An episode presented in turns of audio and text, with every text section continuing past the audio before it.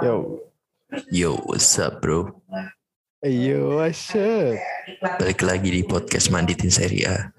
Yoi, balik lagi. Eh tapi sebelum mulai, gue mau ngucapin terima kasih sekali yang udah mendengarkan kita selama 2021. Betul. Terima kasih banyak. Thank you banget. Padahal kita juga cuman iseng-iseng doang ya. Iya. Kita Kadang cuma- pembahasannya ya, lebih kagak kagak jelas pembahasannya. Kagak jelas. Iya. Kadang cuman ya gitu aja ya bahasannya. Iya, Pasti gini gini. bro. Pasti gini gini. Iya. Ya gimana ya kita kita bisanya begitu ya. Iya banget. Pokoknya terima kasih Iya, juga Bang. sama Terima 2021 kasih. kita juga ke- kedatangan banyak tamu juga. Iya. Salah satunya tamu yang paling gue banggain banget adalah Bang Labib Yes. Pasti dong.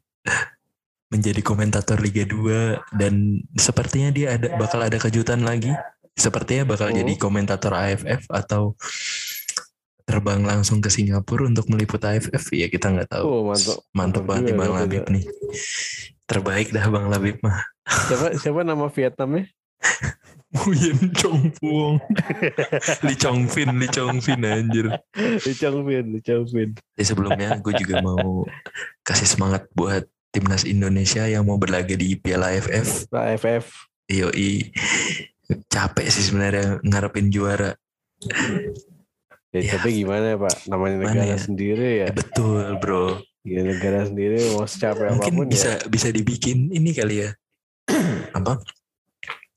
Eh, mini dokumenter juga gitu kayak eh, yang baru di Netflix nih Road to Hmm. Wembley, Azuri Road to Wembley keren itu anjir. Oh iya itu ada ya. Itu ada ya itu baru tuh. Iya, diceritain gimana mereka selama di eh, Firenze kan dia kan eh, make training campnya Fiorentina ya untuk jadi base Iya, campnya mereka kan. Bagaimana mereka kejadian di Firenze, terus masing-masing kedekatan antara Mancini dan pemain-pemainnya gitu. Bagus sih, salah satu dokumenter yang lumayan oke. Tapi gue kira gue kira di akhirnya itu bakal mereka nyanyi It's coming Rome, It's coming. Eh Hmm. enggak ada anjir langsung habis ternyata. Eh, Habis dia juara. terlalu provokatif kayaknya kalau itu. Oh ya. iya benar-benar terlalu, terlalu provokatif ya. Itu bisa Iya. jadi bahan tontonan weekend kalian juga. Ada Iya di gue ada kayaknya di- bakal nonton itu. tuh. Mm-mm, ada di Netflix eh, Azuri Road to Wembley namanya. Oke siap. Betul. Coba, cari lagi lah. Langsung aja lah ke Kenapa? Giornata tanggal 7 Desember. Yoms. Eh, tanggal 5 ya dari dari tanggal Gimana dong Pak? 5 ya, tanggal 5. Itu ada Giornata sebelumnya kita nggak usah bahas lah ya. Hmm? Midweek ya kemarin ya? Midweek iya. Oh, nggak usah. Giornata 5 itu eh dari tanggal 4 dong. Dari tanggal 4 Desember dong. Dibuka Oh oleh iya yang mulai empat ya? Iya, dibuka oleh eh, tanggal 4 dan tanggal 5 dibuka oleh eh, dua dua rival abadi. AC Milan dan Inter Milan sama-sama meraih poin positif kalau menjamu lawan-lawannya. AC Milan menjamu Salernitana 2-0, Roma Inter Roma lagi-lagi harus bertekuk lutut Eh, terhadap eh, eh, tim-tim tradisional Big Four. Dan nggak tradisional juga sih Inter di atas juga sih sekarang gitu. 3-0 kita bahas AC Milan Salernitana dulu deh. Lu eh, sendiri dari pandangan lu AC Milan mainnya kayak gimana apa ya di lawan Salernitana ini sebenarnya gue nonton tuh setelah kedudukannya 2-0 gue nonton agak telat soalnya. Nah pas gue nonton itu kayak apa ya mainnya bukan yang high press high press banget kayak Pioli di awal-awal musim gitu kayak misalnya agak agak-agak monoton. Mungkin emang karena ada pilar beberapa pilar cedera ya ya. Tapi gue Ya, rasa sih, gue rasa sih ini sih Bray, karena apa? Salah satunya kan ada dua pertandingan juga kan di minggu itu kan, di bisa tengah pekan dan akhir jadi. pekan gitu. Udah gitu. Iya, plus akan berlaga juga hmm. di hari iya, di, di ini juga di, kan di Champions League. Tadi malam yang kita malam. sudah tahu hasilnya. Iya, kita sudah tahu bersama hasilnya dan saya tidak apa-apa karena tidak saya, saya tidak punya ekspektasi apa-apa. Iya betul. Tapi yang uh, lu lihat iya di sih. sini gimana? Eh, mainnya jadi kayak monoton banget bukan uh, bukan kayak Pioli yang biasanya gitu. Jadi hmm. beberapa pemain masih masih sempat atau masih sering lah sering melakukan kesalahan sendiri pergerakan pergerakan yang enggak nggak diperlukan lah jadi hmm. peluang yang tercipta tuh nggak nggak terlalu bagus. Meskipun kalau dari statistik emang Milan bikin 22 shot gitu dan 8 on target. Tapi secara real permainannya itu nggak terlalu bagus. Walaupun yang lawannya cuma ini ya Salernitana ya. Maksudnya bukan yang ngeremehin tapi secara peringkat kan emang jauh di bawah ya mm. nah itu cuma jadi Kemil cuma ngepres uh, main bagus mungkin ya di sampai menit 20 apa menit apa setengah jam pertama lah habis itu udah kendor aja kayak mungkin uh, pertama emang mau ngirit stamina mungkin ya untuk lawan Liverpool di di hari inilah misal gitu. Ya jadi main kayak seperlunya aja. Iya iya. Nggak, nggak perlu buang-buang tenaga banyak gitu. Kayaknya sih kayak gitu ya yang gue tangkap. Plus kemarin Pellegrini cedera kan ya? Ada bu Eh, Pietro Pellegrini cedera, Simon Kier juga cedera di midweek kemarin. Oh iya kayak Kiair juga cedera terus juga iya Simon Kier apa uh, Pioli juga mainin si Fado, Fode Balotore ya salah satu iya, pemain muda Balotore. juga menurut lu gimana uh, nih si perannya si Fode ini Fode Balotore sebetulnya dia nggak nggak jelek ya maksudnya oke okay lah untuk sekedar backupnya Theo Hernandez yang Iya gue nggak tahu ya belakangan ini tuh Theo Hernandez sering apa ya sering sering off aja gitu performnya. Iya, mungkin iya ya nggak nggak nggak jadi nggak apa ya nggak nggak uh, nggak konsisten gak gitu semengerikan ya. uh, jadi nggak hmm. semengerikan sebelumnya gitu. Iya, iya, mungkin emang juga. karena faktor-faktor faktor ini kecapean mungkin ada salah satu faktor kecapeannya itu. Tapi uh, baik lagi kalau misalnya lo mau uh, jadi pemain yang bagus lo harus kayak konsisten lah. Jangan ketika off lo bener, jadi kayak Pedri ya. Harus kayak Pedri ya. Capek iya, nggak capek di, hajar terus. Capek nggak capek hajar terus gitu. Ya gitu sih. Kemarin tuh catatan ada di Theo Hernandez ada di Leao sama di uh, siapa ya? Kemarin Casey oh iya bang uh, Casey ya Casey Casey juga kayaknya kecapean deh. Udah di beberapa pertandingan terakhir dia main mulu kan terus ya mungkin Pioli emang punya punya siasat untuk merotasi tapi kayaknya itu belum cukup deh. Jadi emang kayaknya kehilangan beberapa pilar-pilar penting di uh, khususnya di sektor serangan itu berpengaruh banget sih. Karena sekarang penyerang yang yang bisa main cuma Ibra doang nih. Ntar kalau Ibra cedera udah nggak uh, ada nggak ada strike nggak punya striker otomatis main false nine lagi iya sih Mesaya saya sih palingan ya jadi false nine ya Enggak, kemarin malah si ini Krunic. Oh iya, di Krunic ya, malah jadi false line dari menit 15 ya, kan. False line. Heeh. Ganti Pellegrini. Si Pellegrini uh. Mm -mm. Gitu, uh, Pak. Gue ngelihat apa apakah kira-kira ini ya apa di transfer musim dingin nanti Milan bakal datengin pemain depan juga menurut lu gimana? Uh, kalau pemain depan sejauh ini masih belum ada inilah ya uh, kabar-kabar soal uh, rumor-rumor untuk hmm. datangin pemain depan. Cuman yang uh, yang udah jelas pasti akan nambah di belakang karena si hmm. Simon Kier uh, cederanya cukup, cukup panjang, jadi dia nggak bisa ya? lanjutin di sisi uh, di sisa musim ACL ini. Iya, hmm. di lutut kan dia. Hmm. Di ya udah, jadi musimnya dia habis jadi butuh butuh ini butuh back tambahan lah. Oh berarti Entah dia itu minjem dipastikan dan, ini uh, ya di apa dikeluarin dari air musim di, uh. da, da, di dari 30 skuad yang didaftarkan seri A ya kemungkinan ya. Iya betul di uh, mm-hmm. yang kan di kan nanti didaftarin lagi tuh pas Iya didaftarin uh, transfer, lagi pas transfer musim ini. Iya, itu, iya itu udah pasti dikeluarin dan ya, pertama nyari nyari itu nyari back dan kedua uh, di lini tengah nih karena untuk antisipasi si apa si Casey ini nggak mau perpanjang kontrak Hmm. gitu. Jadi sebenarnya Iya, udah ada yang deal sih si pemain dari Bordeaux kalau nggak salah. Namanya Ya- Yasin A. Adli.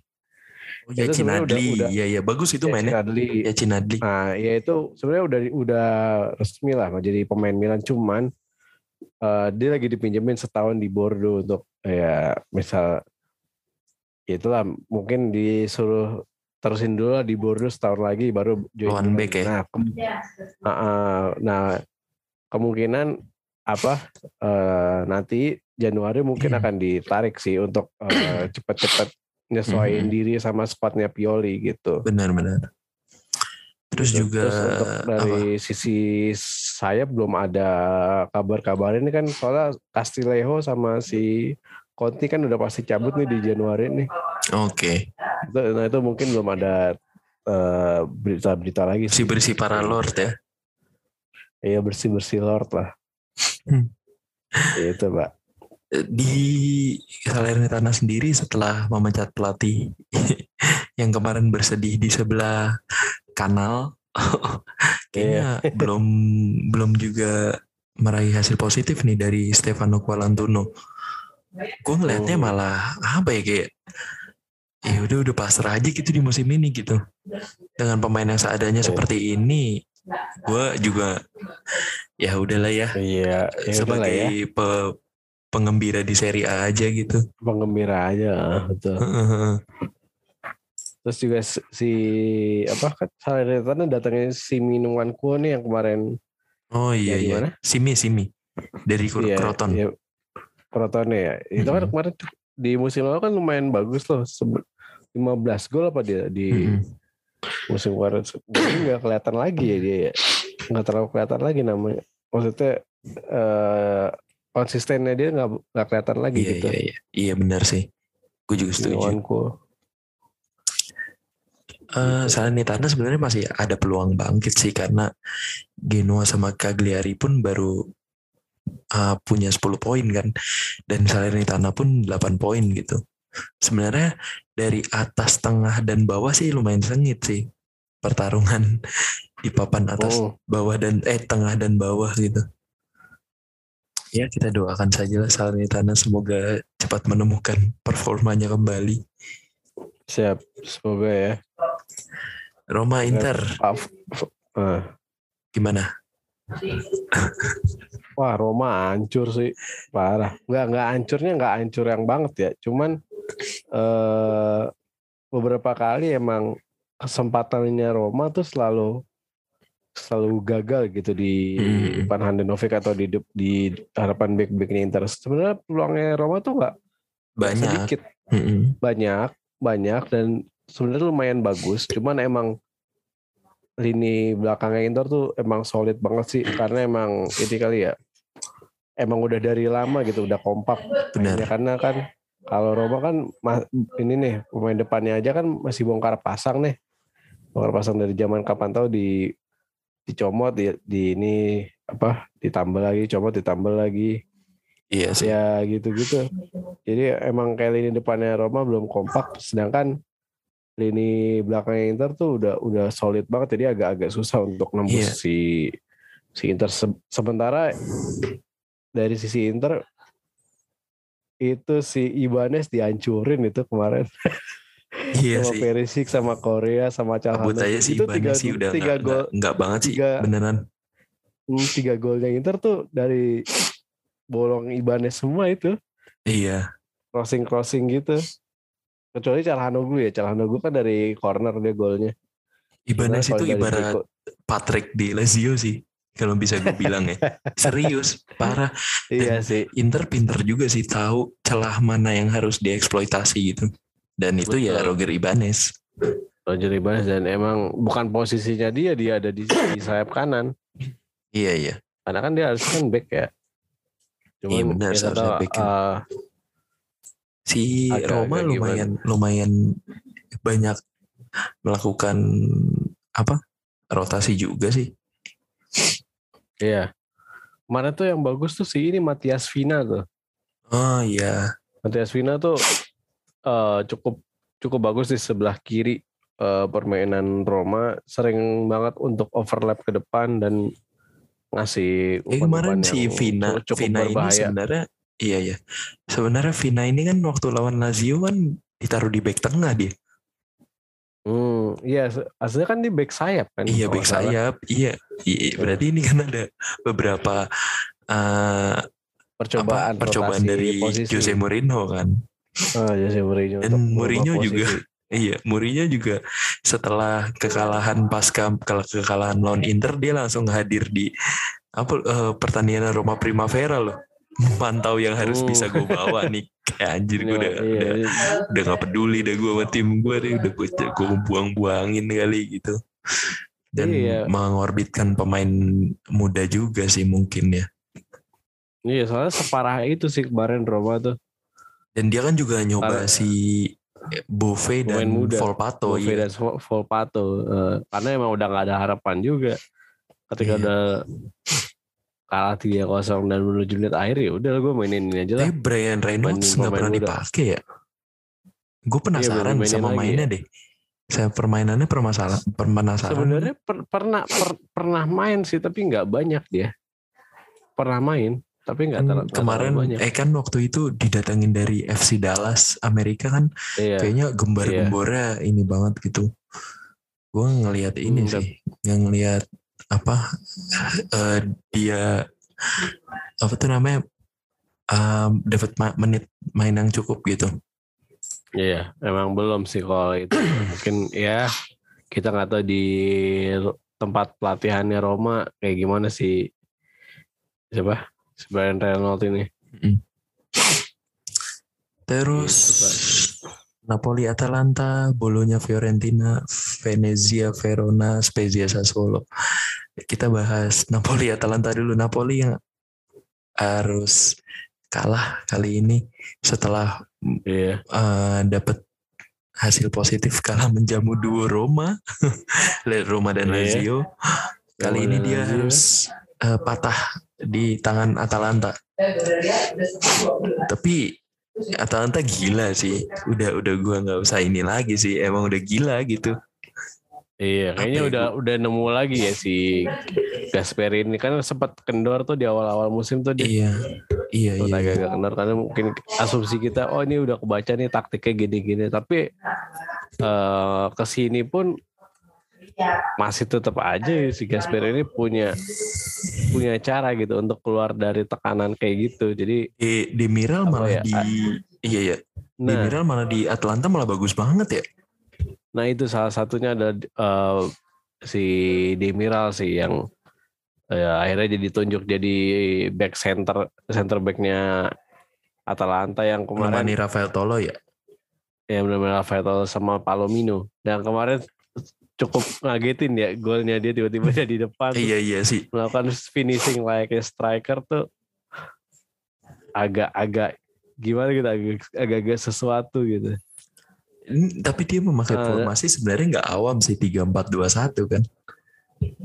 Iya tiga empat dua satu betul. Tapi ya itu uh, rotasi pemain sih yang kayaknya kalau misalnya gue lihat ya si Gasperini tuh ngandelin kayak pemain-pemain yang dari musim lalu tuh uh, kayak misalnya ada Hatebur terus di sini ada ada kayak misalnya si Josip Ilicic yang nggak terlalu sering di apa dijadiin starter gitu terus uh, tadi ada siapa lagi? Ada um, Derun. uh, Muri Ayo, Derun. Masih Derun kayaknya masih ini deh. Derun masih sering gitu. Um, ya gitu loh, kayak Zapa Kosa sekarang udah ngambil tempatnya Hatebur yang kayak gitu kayak gitu lah. Jadi jadi oh maksudnya diganti ini, di ini ini ya di apa di apa di melakukan improvement dari pembelian pemain iya, yang kemarin gitu ya betul. Uh, kayak Maile kan sekarang ditempatin di posnya si Robin Gosen tuh. Iya iya benar Robin Gosennya nggak tahu ke mana cedera kali ya? Cedera sih. Jadi kayaknya ya. Ya Maile yang emang bagus juga sebenarnya di timnas Denmark pun kemarin bagus juga ya. Eh Denmark yeah. kan ya dia Maile Joaquim Maile iya gitu. Iya gitu. Jadi makin ini lagi, makin susah lagi. Sekarang Atalanta udah bangkit lagi sih. Iya. Sementara bukannya apa Napoli ini bukannya jelek ya, tapi kemarin sebenarnya lumayan juga, lumayan bagus juga. Kemudian emang Atalanta lebih dominan aja dari segi statistik walaupun apa uh, kayak expected goals lah Iya. lebih banyak di Atalanta walaupun yang posisinya nggak nggak banyak. Gitu. Pokoknya kemarin gue bisa melihat uh, Pak Botak, Pak Botak Luciano Spalletti marah-marah dari dari tempat penonton. Oh iya, dia diusir ya? iya di laga sebelumnya ini kartu merah. Aduh, Pak Botak. Gitu, Pak Botak. Terus ada ada siapa ya? Venezia Verona dong. Betul. Ini luar biasa ini. Uh, Gila ya, comebacknya Verona ya. Sadis banget anjir. Asli, asli. Asli ini gila banget sih. Apa ya? Kayak nggak ada nggak ada kata menyerah gitu. Jadi kan awalnya Igor kan Tudor kan sih gila sih. Maksud gue kayak bener- bener-bener mandor. 2021 bener-bener setelah kedatangan dia nih Verona jadi ya, monster aja sih. Maksud gue gila loh dia dia datang di menggantikan pelatih utama gitu dan dia menjalankan perannya dengan cukup baik sih menurut gue kayak bisa Iya ngerubah betul. Ngerubah ap- apa eh, permainannya Verona gitu. Ada di diri Giovanni Simeone dan Barak sih menurut gue yang paling apa kelihatan banget gitu. Mm-mm. Iya sih yang gue paling ya mungkin paling kelihatan ya dia ngerubah Giovanni Simeone yang tadinya biasa-biasa aja jadi jadi kayak monster monster gitu. Iya sih karena dia kan kayak sempat hampir hampir golin. Eh, eh, di tiap Sem- laga. sempat apa ya kayak nggak bagus gitu kan di Fiorentina kan? Iya malang-lang buana lah di klub-klub di Serie A kayak di Cagliari terus ada di mana lagi gitu. Di Fiorentina ya habis itu ya. Iya. Pokoknya ada sempat di Fiorentina juga nggak yang ya nggak begitu bagus juga. Nah sekarang eh di apa di asuh sama Igor Tudor tuh jadi jadi lumayan nih. Bukan lumayan lagi udah bagus mungkin jadi salah satu top scorer sekarang ya? Iya. Di Serie A nih di enggak dong. Simeone dan Eh, apa? Kan Dia- top scorernya masih si ini. Siapa ya? si siapa? tuh namanya? Vlahovic kan? Balap-balapan sama si Oh, ya, ini Pak. sama eh, Immobile. Hmm. Ya pokoknya itu lah sempet gue baru eh, nyadar si Venezia ada si Christian Molinaro ya? Anjir udah tua banget. Ada ada ada. Nah, jadi pemain utama Masih- lagi ya? Iya masih ada dia pak. Gila keren Molinaro. itu Molinaro bangke. Iya, tapi Venezia juga Juventus mainnya legend. juga ini sih mainnya juga nggak jelek. Anak asuh dari Paulo Zanetti ini. Iya, ya mungkin semenjak ini kali ya kartu merahnya si Cekaroni itu yang ke, yang kemarin handsball di oh iya iya iya, iya. depan gawang Hmm. yang langsung straight red card itu langsung kelihatan banget posnya tuh bolong banget. Eh, jadi Giovanni Simeone tuh kayak ah ini nih tempat gua nih akhirnya kosong juga. Jadi Iya, iya. gol-golnya dia kan dari apa eh, tempat-tempat yang ditinggali sama si Cekaroni Cek Cekaroni ini sih Mm-mm. gitu kelihatan banget dia bolong gitu di situ dan finishingnya juga luar biasa bagus sih kacau kacau nih orang nih mantap mantap Ah, selanjutnya gue akan membahas bolonya Fiorentina. Fiorentina akhirnya meraih hasil positif lagi dan Iya back to winning. Vlahovic menjadi pencetak gol terbanyak tahun 2021 ya bisa dibilang ya. Kemarin dia kan Iya. mendapatkan eh, ini lagi tuh apa award lagi kan menjadi Hmm. pencetak gol terbanyak di 2021 di 2021 ya? terhitung berarti dari awal 2021 ya bukan Iya. musim dari awal musim ini ya terus iya biar pada biar pada Iya. tahu aja ya iya biar pada tahu aja terus juga di ditawar kan sama Arsenal kan katanya 80 kan. Iya. Kalau beneran ditawar 80 sih gila sih. Kalau misalnya dilepas sama Fiorentina fix kaya mendadak sih Fiorentina. Meskipun Iya, bisa. pemiliknya memang udah kaya ya sekarang si Komiso iya rokok komise tapi dia emang nggak ini ya, kayak walaupun di, misalnya ada duit tapi dia nggak mau iniin stadion ya karena itu emang dia tuh. cagar budaya cagar, Iya, cagar budaya, budaya. katanya kan? Dan Dia mau- ya, kenapa nggak dibangun di tempat lain ya? Nah itu nggak tahu deh. Mungkin kita harus visit dulu kali ke sana. Hmm? ngobrol sama wali kota Firenze apa? Firenze ya? Firenze. Ya iya. Dan salah satu kota tercantik juga ya Firenze katanya. Betul. Karena emang syarat dengan ini ya eh, sejarah. Mm-mm. gitu Kalau secara dari secara permainan Fiorentina mah oke aja nggak ada masalah ya sebenarnya. nggak ada masalah So- sebenarnya nggak yang jelek-jelek banget dan nggak yang eh, Bagus-bagus bagus banget ya bag- bagus aja gitu bagus aja nggak bagus banget Iya sih. khas eh, khas dari si Italiano lah Iya iya iya. ya emang sebenarnya udah udah talk chair banget kan dulu eh, musim lalu sama Spezia Mm-mm. sekarang bawa Fiorentina berbicara banyak lah di eh, separuh musim awal ini dengan berada di posisi 6 Betul. gitu pak. Sampdoria Lazio. Sebenarnya nah ini pak. kasihan sih gue sama Sampdoria ya.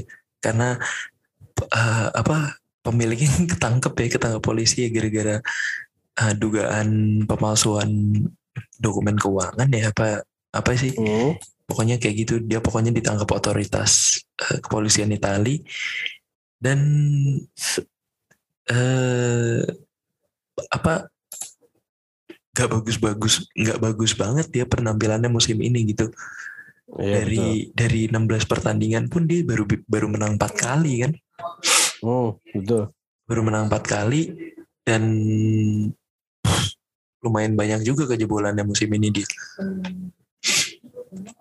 Udah 32 gol ya dia pegolan iya sih. Musim ini. udah banyak sih. Gue apa ya gue kalau mau ngebahas dari Lazio sih gue nggak ada per- nggak ada permasalahan sih sama Lazio sih. Eh, pela- apa fansnya minta eh, Reina ditukar sama Strakosa. Strakosa bisa eh, menjalankan tugasnya dengan sangat baik menurut gue banyak save dari dia kemarin. Pokoknya membuat eh, lini pertahanan aman sih. Terus gol cepat dari Milinkovic juga keren banget. Sebenarnya kalau misalnya dia nggak dapat kartu merah sih gua rasa dia yang jadi eh, ini Man ya of match ya. man of the match ya. Tapi karena dia kartu merah man of the match Hmm. jatuh ke Matia Zakagni sih dan Matia Zakagni Hmm. juga lumayan udah menyatu ya setelah gabung dari Verona Verona. beberapa pertandingan sampai pertandingan di Eropa League belum begitu bagus dan akhirnya kemarin waktu lawan Sampdoria sih menunjukkan hal yang positif gitu Hmm. dan eh, apa nanti ada yang kita mau bahas di segmen kedua sebenarnya ya Terkait ini ya, terkait terkait Sampdoria ya terkait Sampdoria. Eh, sisanya sih Gabbiadini berhasil menceploskan satu ga- satu gol ke gawang Lazio. Terus hiburan. juga apa ya, sisanya sih nggak ada ini sih nggak ada nggak ada hal-hal yang gue keluhkan lagi sih.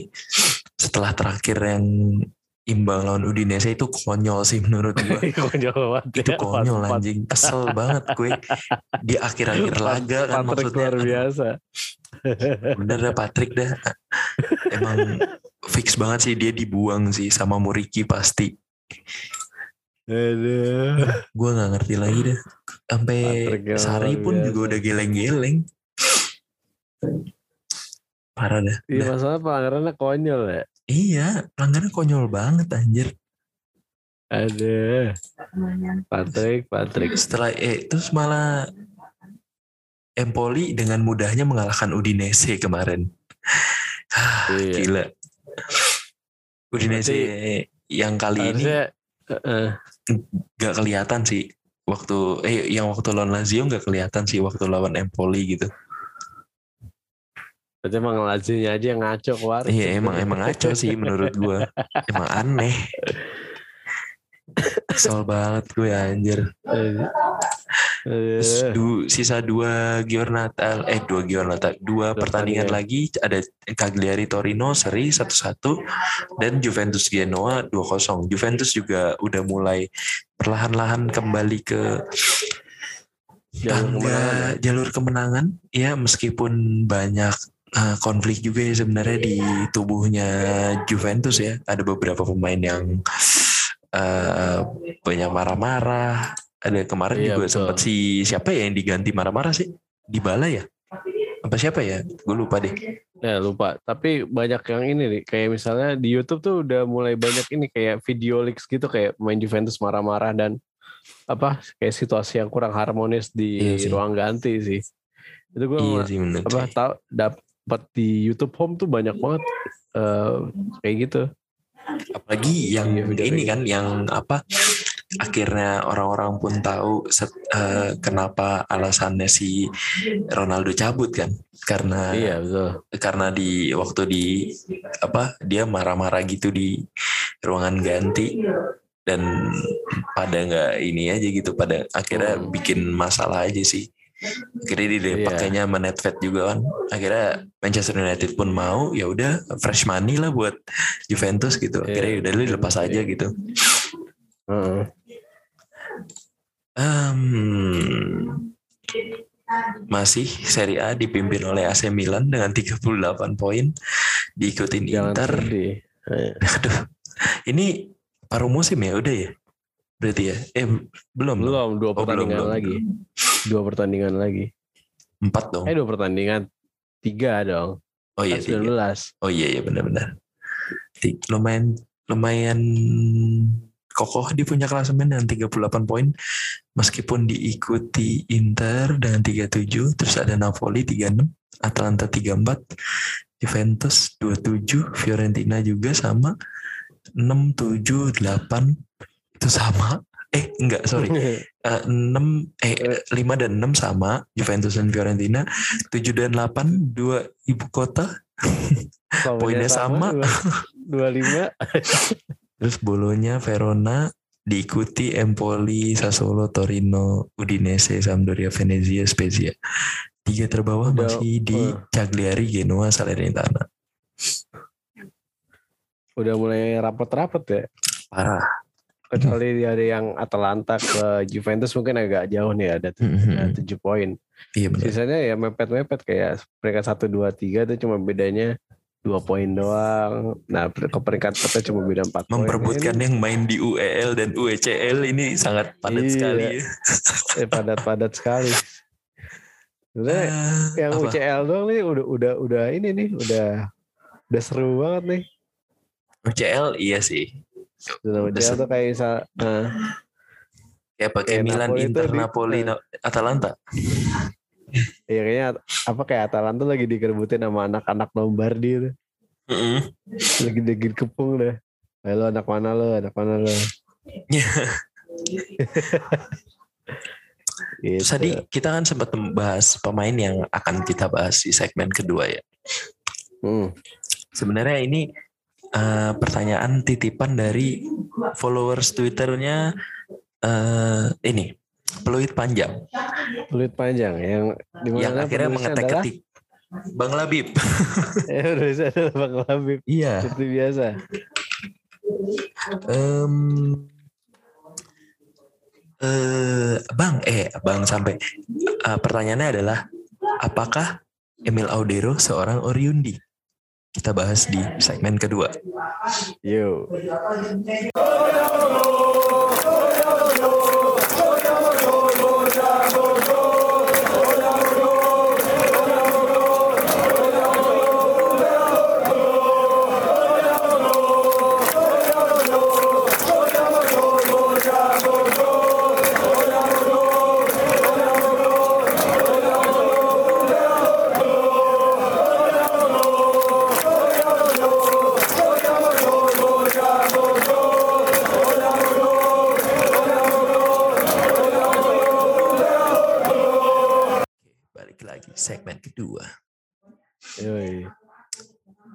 Kemarin ada Indonesia ini sebenarnya lagi dilanda kecemasan terhadap pemain-pemainnya yang berlaga di eh, Liga Nasional kita ya. Karena lumayan banyak kemarin setelah eh, ketahuannya Jordi Amat pemain yang pernah Oh, main di iya. Swansea itu Swansea eh, mengaku Punya ke- dia eh. punya keturunan dari neneknya ya kalau salah. nenek-neneknya yang anak eh, orang Makassar. Mm-mm.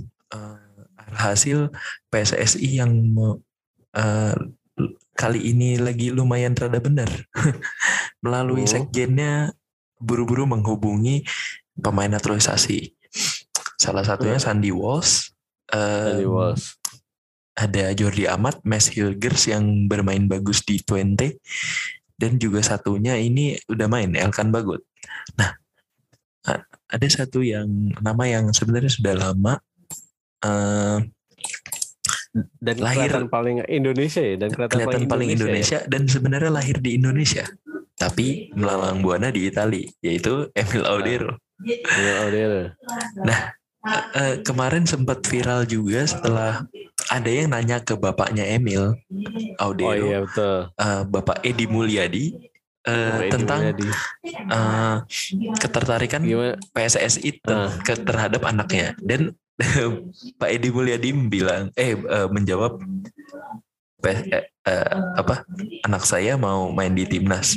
Mimpi kali. Wah itu langsung Eh, langsung buat apa? Langsung buat banyak eh, polemik di situ tuh menurut gua. Eh, Hmm, betul. banyak yang menghujat bapaknya banyak yang akhirnya menonton pertandingan Sampdoria dan melihat wah gimana nih? Gimana nih si Emil Audero nih?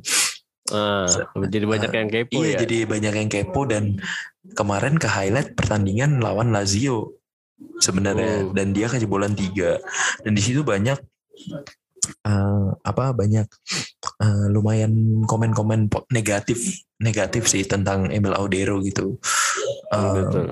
apa apa dia apa dia benar-benar bisa gitu ber ber apa ber eh, masuk ke jajaran skuadnya Itali gitu karena Oh iya betul. kiper Itali kan juga lumayan ini ya Bre lumayan Lumayan penuh. lumayan penuh kan Mm-mm. coba bisa lu sebutin nggak siapa aja Bre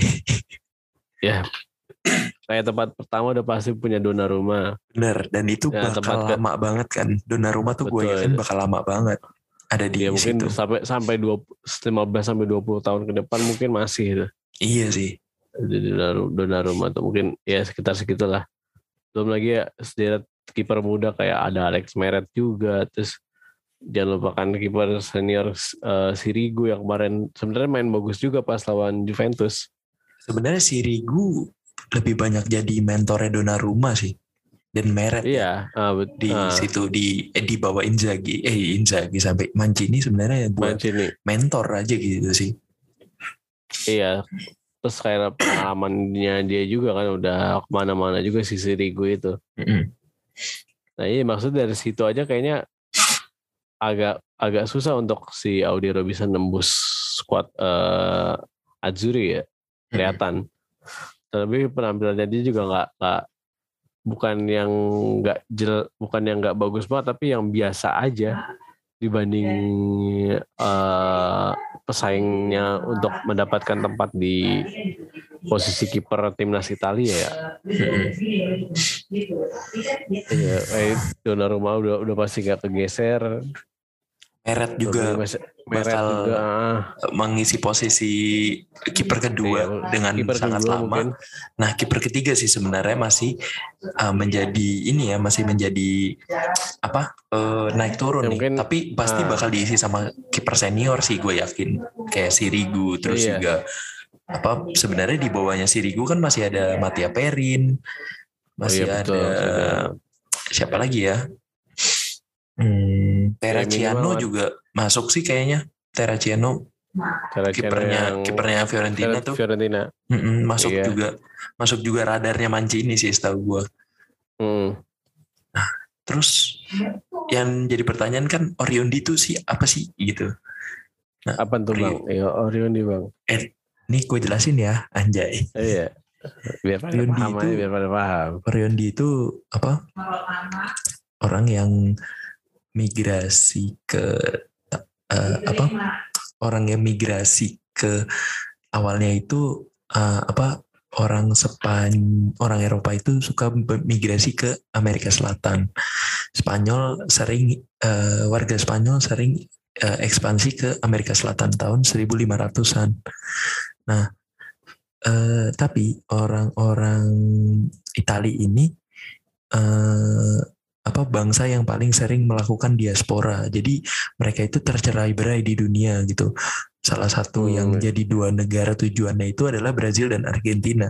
Ya kita bisa lihat eh, bisa lihatlah sekarang eh, apa pemain Brazil dan Argentina yang ada di eh, timnas Italia dulu ada Camoranesi yang sempat jadi polemik juga tuh Iya, yang Betul. di, lumayan dapat cercaan juga kan karena uh, Italia dan Argentina kan juga lumayan ada ya ada lumayan ada gesekan-gesekan gitu setahu gue.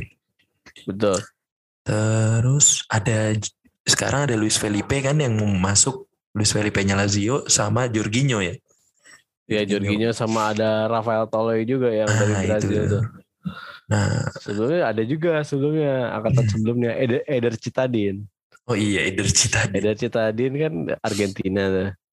Nah, Sama ada beberapa pemain juga yang uh, lebih memutus, uh, lebih memilih untuk uh, membela negara yang satunya meskipun dia ini ya kewarganegaraan ganda ya. Jadi satu Italia, satu lagi mana gitu kayak misalnya kakak gitu. Kakak kan dia apa uh, dua warga negara Italia sama Brazil, tapi dia lebih memilih untuk uh, membela Brazil karena yang di Italia sebenarnya neneknya doang, neneknya Mhm. kakak doang. Gitu, tapi dia tetap kewarganegaraan ganda, tapi lebih memilih Iya. untuk membela Brazil kayak gitu. benar. Intinya uh, Oriundo kayak gitulah. Oriundo itu secara ini ya pengertiannya itu istilah bagi orang-orang yang tidak lahir di Italia tapi datang ke Italia sebagai imigran atau memiliki Hmm. darah Italia sehingga berhak untuk Italia. menjadi warga negara, Negara Italia. Nah, ya. iya gitu. Ya, si Emil Audero ini kan lahirnya di Mataram ya. Iya. Lahirnya di Mataram dan eh, si Edi Mulyadi nih ini bapak Edi Mulyadi ini bapaknya nikah Hmm. sama orang eh, ini nikah sama orang Itali. Nah akhirnya dia banyak eh, mendapat masa kecilnya sepertinya di eh, lebih banyak sama ibunya di Itali gitu. Iya. Nah, em, yang jadi pertanyaan kan eh, apa? Eh, dia itu Oriundi? Iya benar, dia Oriundi. Berarti kan karena dari pengertian pertamanya dia orang yang bukan lahir di eh, Itali tapi punya Tapi, eh tapi darah punya darah Itali Eh, dan apa besar di Itali akhirnya berhak menjadi warga negara Itali. Nah, setahu gua dia ini udah jadi warga negara Itali tapi belum dipanggil resmi ke tim nasional Oh, utama dan belum dimainkan. Selama belum dimainkan berarti dia berarti masih masih masih bisa masih ada ganti. kemungkinan dia main di eh, timnas lain gitu. Seperti Iya. timnas Indonesia gitu loh. Iya gitu, Pak. Tapi lu sebagai orang Indonesia nih, salah gua gue sendiri adalah fans timnas gitu ya. Gue fans Hmm. Italia, eh fans I- timnas dan fans Italia juga gitu. Kalau gue, gue sih eh, nggak apa-apa sih Emil Audero nggak mau main buat timnas gitu. Karena kiper timnas kita pun juga regenerasinya bagus gitu.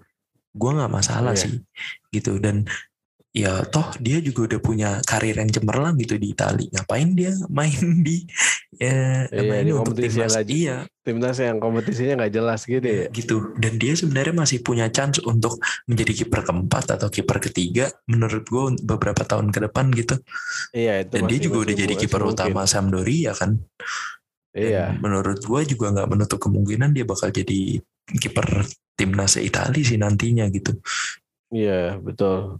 Ya udah pasti setuju- main di Eropa dan sih. Piala Dunia kan Iya setuju sih. Eh, nggak nggak nggak jauh beda dari dari pendapat lo.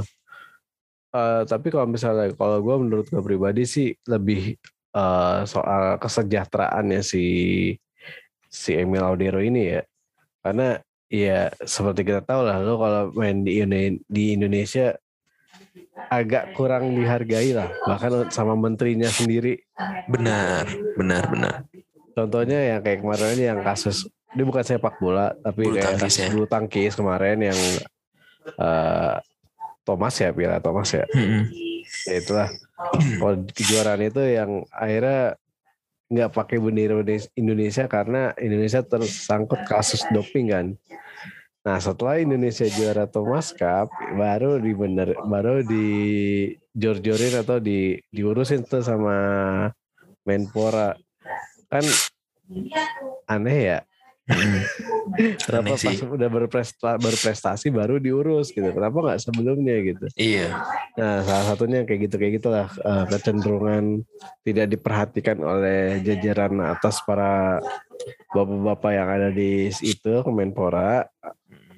Kayaknya itu yang satu jadi masalah sih buat eh, kalau misalnya si Emil Audero emang mau ke Indonesia mungkin itu yang harus dipikirin pertama sama kayak yang dibicarain sama si Pak Edi Mulyadi itu.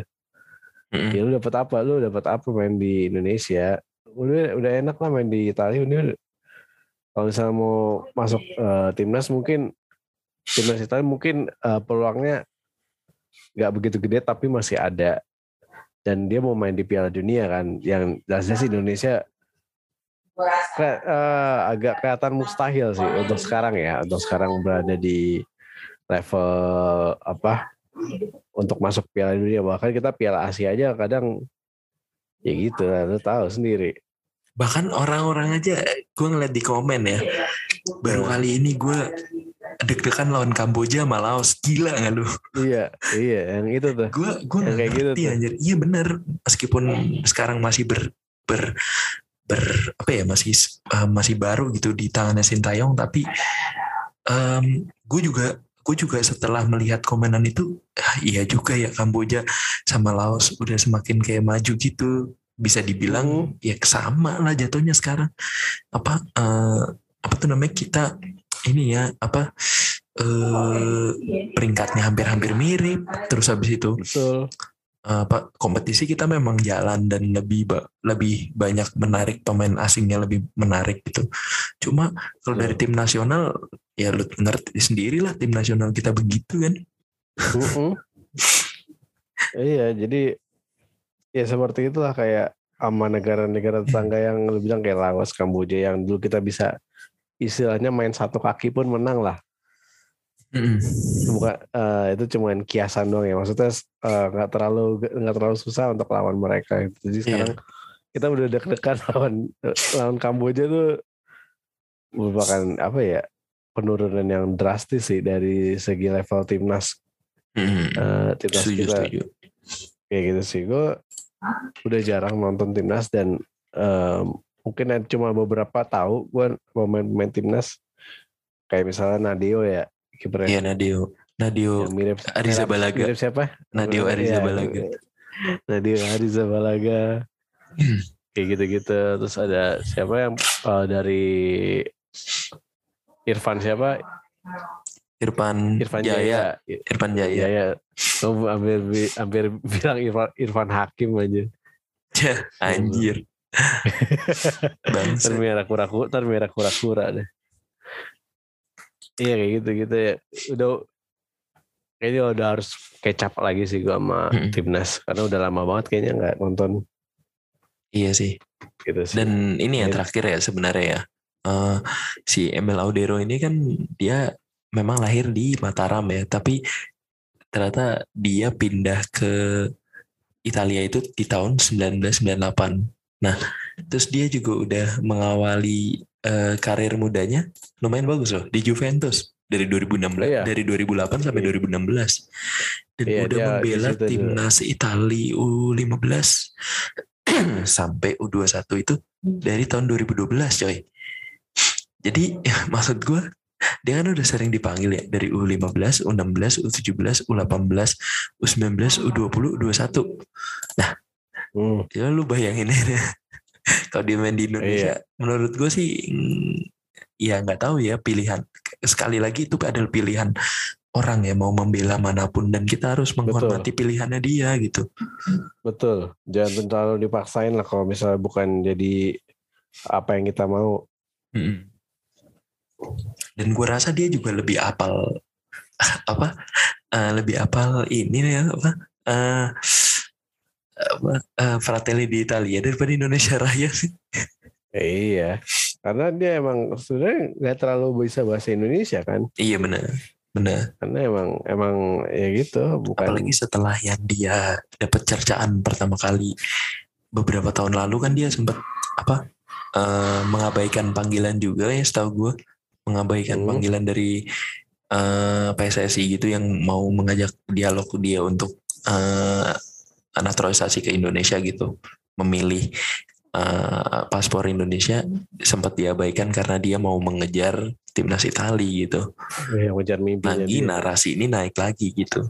Tapi sebenarnya apa Camoranesi dulu kan juga sempat dikritik kan karena nggak nggak ngikut nyanyi lagu nasional Italia. Ya, karena gitu. dia nggak hafal. Iya dia nggak hafal gitu. Terus nah. setelah juara 2006 di bawah kepemimpinan Lippi, dia ngomong saya tak mengerti anthem Itali. Saya memang memegang paspor Italia, tapi bukan berarti saya cukup merasa sebagai orang Italia. Dan dia akhirnya mendiamkan ribut-ribut itu dengan memenangi Piala Dunia 2006. Iya. Terus juga ada uh, di tahun 2014 itu Prandelli pernah manggil Thiago Motta yang ke kelahiran oh, iya, Brazil. Brazil serta Pablo Osvaldo dan Gabriel oh, iya, Paleta Pablo yang Osvaldo, berdarah Gabriel Argentina Paleta, juga ya, Argentina. gitu.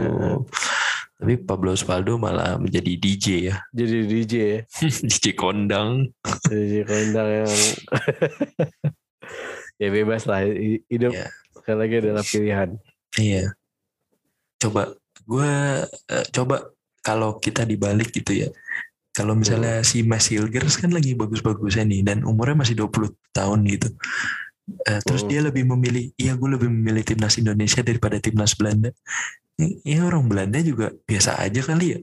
Iya kayaknya. Saking banyak ah. pemain belakang, ya udahlah pemain belakang iya. juga banyak. Oh, iya gue masih masih ada Sergio Van Dijk tuh.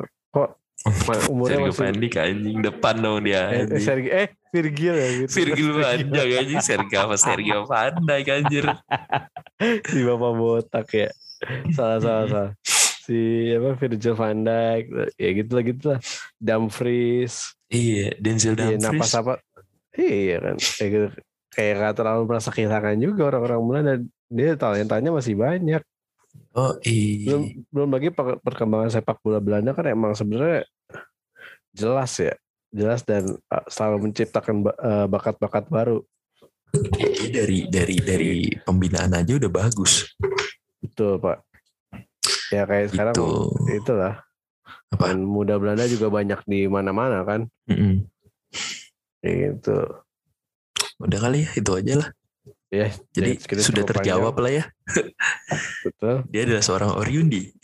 Uh, Oriundi. Pokoknya kalau misalnya ada keterangan-keterangan lebih lanjutnya, ya nanti komen-komen aja lah ya. Iya. Nanti kita bacain di next Betul. episode kali. Iya. Kalau itu ya, kalau ada. Kalau nggak ada ya nggak apa-apa lah. iya, kalau nggak ada juga nggak apa-apa. Kita mau menjawab ya, aja. Kita menjawab aja lah. Nah, kalau misalnya ada yang dilempar-lempar pertanyaannya, kita jawab. Betul. Gitu. Ya, gitu ya. segitu dulu kali ya yang bisa kita dapat sampaikan kepada kalian. Betul, jangan bosan-bosan dengerin kami walaupun kami kadang update kadang kagak, tapi kita, kita insya Allah selalu berusaha update tiap minggunya. Iya. Gitu. Pokoknya jaga kesehatan terus. Jaga kesehatan, Pak. 3M mengubur, menguras, mandi dan meng... Enggak. Biar gak uap. Memakai ya. masker, menjaga jarak Cuci dan tangan. menjauhi kerumunan. Ya gitulah. Iya itu. Oh iya mencuci tangannya lupa ya. Menjaga jarak kamu menja menjauhi kerumunan anjir. kan udah ngapain goblok. iya. Cuci tangan dong mbak. Oh iya cuci tangan. Ya udah Cuci tangan. Apa? Cuci tangan ya, apa? apa udah. Udah lanjutin dong. Apa? apa tadi menjauhi eh, menjaga jarak sama menjaga jarak masker. memakai masker ya itu dia pokoknya Ada yang mau disampaikan lagi Bapak Persa? Maju terus sepak bola Indonesia. Oh, mantap. Yaudah itu udah penutup yang bagus. Oke, gue Fahri cabut. Gue bisa cabut juga lah. Bye. Eh.